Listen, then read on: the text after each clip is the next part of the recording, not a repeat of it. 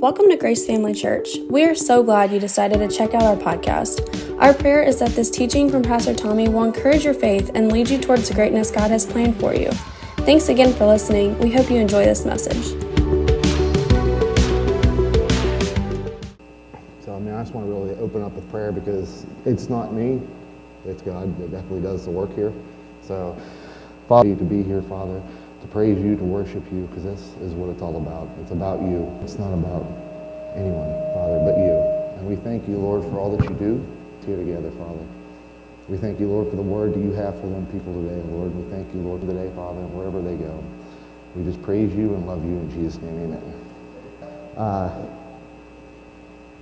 when I first, Pastor, I don't I don't, I'm, I'm not, I'm a behind the scenes guy. You know, I don't, I, am just a, whatever you need to do, I'm your hands on guy. You know, I'll be behind the scenes, just, but come up here is, is just something that I didn't do, and that's what I kept telling myself. Thought life, I kept believing that, that's where I was not supposed to be, because I allowed myself to think that. Think. He's not going to tell you how to think or where to think. He can't control what you are thinking, but he can throw thoughts at you, and then it's up to us if we're going to think. But so I want to start out by telling that, that uh, I mean, to be that I wouldn't be here without the support of my wife and, and just the, the training. And uh, so it was about a month ago, it was actually our church picnic is whenever Pastor Tommy asked me to do this. And, uh, and I'll be honest, when we, uh, and I, we were walking out through the parking lot and we were getting ready to leave after that day and cleaning up and he, uh, he approached us. He came out and he followed us out and he's talking. He's like, hey, so I'm going to be gone a week in July and I want you guys to, you know, uh, uh, we're going to, we're supporting that month for our ministry, our missions and to come in and stuff. And, you know, and honestly, I was okay with that because, you know, that's kind of more her side of things. And, and then he stopped and he was like, all right. And he looked at me and he goes, so I'm going to have you get up there and preach. And you're going to fill in for me. I goes, yeah, yeah, like, you know how he normally does when he's asking you to do something and you're like, oh, I guess and I seized that opportunity. I took that opportunity and I, and I grabbed a hold of it. But it's, it's, but and instantly, I'm telling you, immediately the spirit of fear, fear fell over me. Just this, I don't want to do this. This is not me. But thank God that God, as long as you're willing to step up in place and do whatever He's asking you to do, where it's thoughts, our our lives need to be, our thinking is is what can I do? Thing. We come in Sunday after Sunday and we sit here at church growing, if we're just staying comfortable in our comfort zone, then what are you what are we doing? You know, comfortable doing what I'm doing.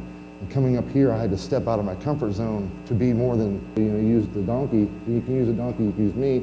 As Pastor Tommy always says, what were you thinking? Where, where are you at? What are your thought life? So what were you based off of this was uh, 2 Corinthians 10, 3 through 5. And I put breaks things down and kind of opens our eyes to where it says, and it says here, it says, For though we walk in the, into the flesh and using the weapons of man, the weapons of our warfare are not a fortresses. We are destroying sophisticated arguments and every exalted and proud purpose captive to the obedience of Christ. So we are not here doing this. We are not really, what our job is to do is take the word. You, you take your thoughts because you, you, our job is to take the word and line up with the word of God. And you ask yourself, does that does line up with the word of God? Then it's not from God. And then we're supposed to take that thought and cast it away. And it's so easy of it. And so, you know, I ask myself about all these things because for me that I face is different thoughts that come at me. Because, you know, I mean, for me, I can let my own thoughts and my own, I'd start daydreaming about different things. And you can like, where in the heck did that even come from? And so that's why I stop and ask myself, what were you even thinking? Because it says in Romans 8.14, for spirit of God, then who are you being led by? Are you allowing yourself to step out? And I know your thoughts shape you. And it was, I allowed my thoughts to shape me as saying, I can't do this. I can't come up here. God says he can do anything. You know, the Word of God says I can do all things through Christ who strengthens me. And that's all things. Whatever I'm doing, I can do it because Christ is within me. And greater is if you want to overcome your thought life, if you want to over, if you want to defeat those battles within. Like I said, it's not a weekly or a monthly thing. This is an everyday thing. The devil is going to continue to come at you. It's going to happen because the devil doesn't want you to win. He doesn't want you to succeed and succeed. Whether you believe it or not. I mean, because he. So, one of the things of who you're going to become And what I mean is, if you're surrounding yourself with people that are unbelievers, going out and doing things that you know maybe you shouldn't be doing, you know right from wrong. But if you're going, who, who are you letting into your life? You know, people that are spirit-filled, people that know the Word, people that want to become like you. We're supposed to know the Word, and we're supposed to help other people. As iron sharpens iron, the Word says. So you continue, and then people that can help sharpen you. Those circumstances are meant to refine you and not define you. Because every said for me is taking those thoughts of I can't do this and I'm not qualified to do this to be able to refine me where I was supposed to tell myself, yes you can, because you have the Word of God inside of you. You know what you can do because Christ lives in you. I was supposed to repeat those promises myself and I didn't. And then for years it went by and I and I Tommy in my path and he was able to help pull those out of me because I would have just kept going on living my life. My life was great, you know. But knowing that stepping out of my comfort zone and coming up here is something that I had to overcome in my own thought life is what I'm trying to show to you guys today that I can do. The Bible also says in 1 John 4 4, he says, Little children, believe they overcome them, the agents of the Antichrist. Because he who is in you is greater than he who is in the world. On him, you have to let that, let less of you and more of God come out. You God inside of you. You have to allow that to over, ever consume you. Because if not, you, you know, thank God God doesn't call the qualified. He qualified. Of my relationship with God, I wasn't qualified to do anything. But God used me. You know, I'm the man I am today. And I, and I always continue to tell myself, you know, I'm going to be a better man myself to, to stop and stay stagnant. And I don't want to do that. I want to continue to grow. I want to continue to think that, you know, us men, we have to do, I know for sure, is just continue. Because you can, I know for me, I can promises of God. Find those promises.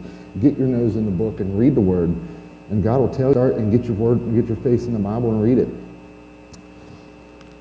You know, years old, I attended the church. I'm, I'm originally from Pennsylvania, and so we went to a, a church ministry line, and I went up in this ministry line, and not knowing exactly why I was going to be now or what the reason why I went up, but uh, I remember going out on the Spirit, and I'm laying and learning a relationship with Him, and, and God called me. He says, I remember speaking to my heart, and uh, honestly, I mean that scared me because I was like, no, because my thoughts of ministry was, and, and that was so far from the truth, and so I allowed that thought from whenever I was going to do that, God.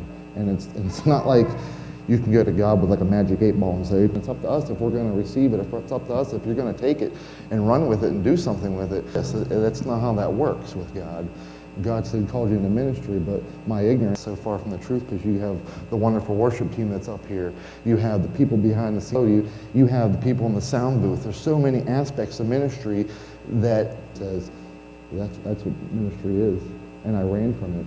And so, I mean, I literally, I quit church. I quit going to church. I quit. I still love God. I still knew God. Do anything. I didn't want to have anything to do with church. You know, I loved my family. Knew my family from it. And I, and I did what I wanted to do as far as I wanted to do it. And until it came to a point in my life where I was just felt like a hamster on a wheel. I just kept going around in my life. I can't just keep doing the same thing over and over again. What is it? You've got something for me. Ministry again, you know, it wasn't like that because I think at that point in time with the little that I did know, I just got myself involved in the church again and God spoke to my heart about going to Rhema and that's what I'm going to do. I will do it. And so I wasn't going to turn around. And so I left everything I ever known and everyone I ever knew, you know, in the middle of Oklahoma and uh, went there and, but it was, I went out there and I learned and met my wife. We got married and we moved here and so uh, opened my eyes up to the thoughts and realm of what ministry really is. The ministry, yeah, that's where you called me. You said ministry, you didn't specify. So, okay, we'll be in the afternoon or evening.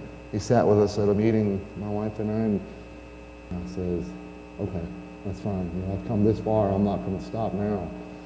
That Sunday when he asked me, he says, you remember I told you I'd help pull this out of you? He said, so no.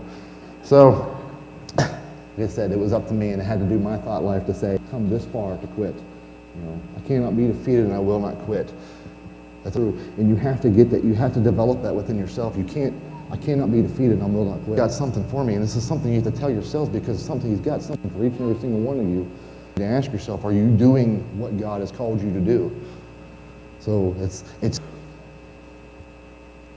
but I also know that with my thought life that comes through to God, I have to believe that God can, is here for me and He's with me and He's not going to leave me or So, one of my favorite, the thing you fear, the death of fear is certain. Meaning, if you do something, because you're stepping out and you're doing it, and you're doing it, and the more you do it, you step out in faith and do it. And your faith only comes by hearing, and hearing comes by.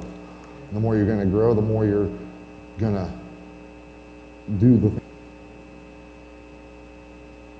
You know, because I love God so much, faith in Him and trust in Him, believe what God has for me, I'll succeed.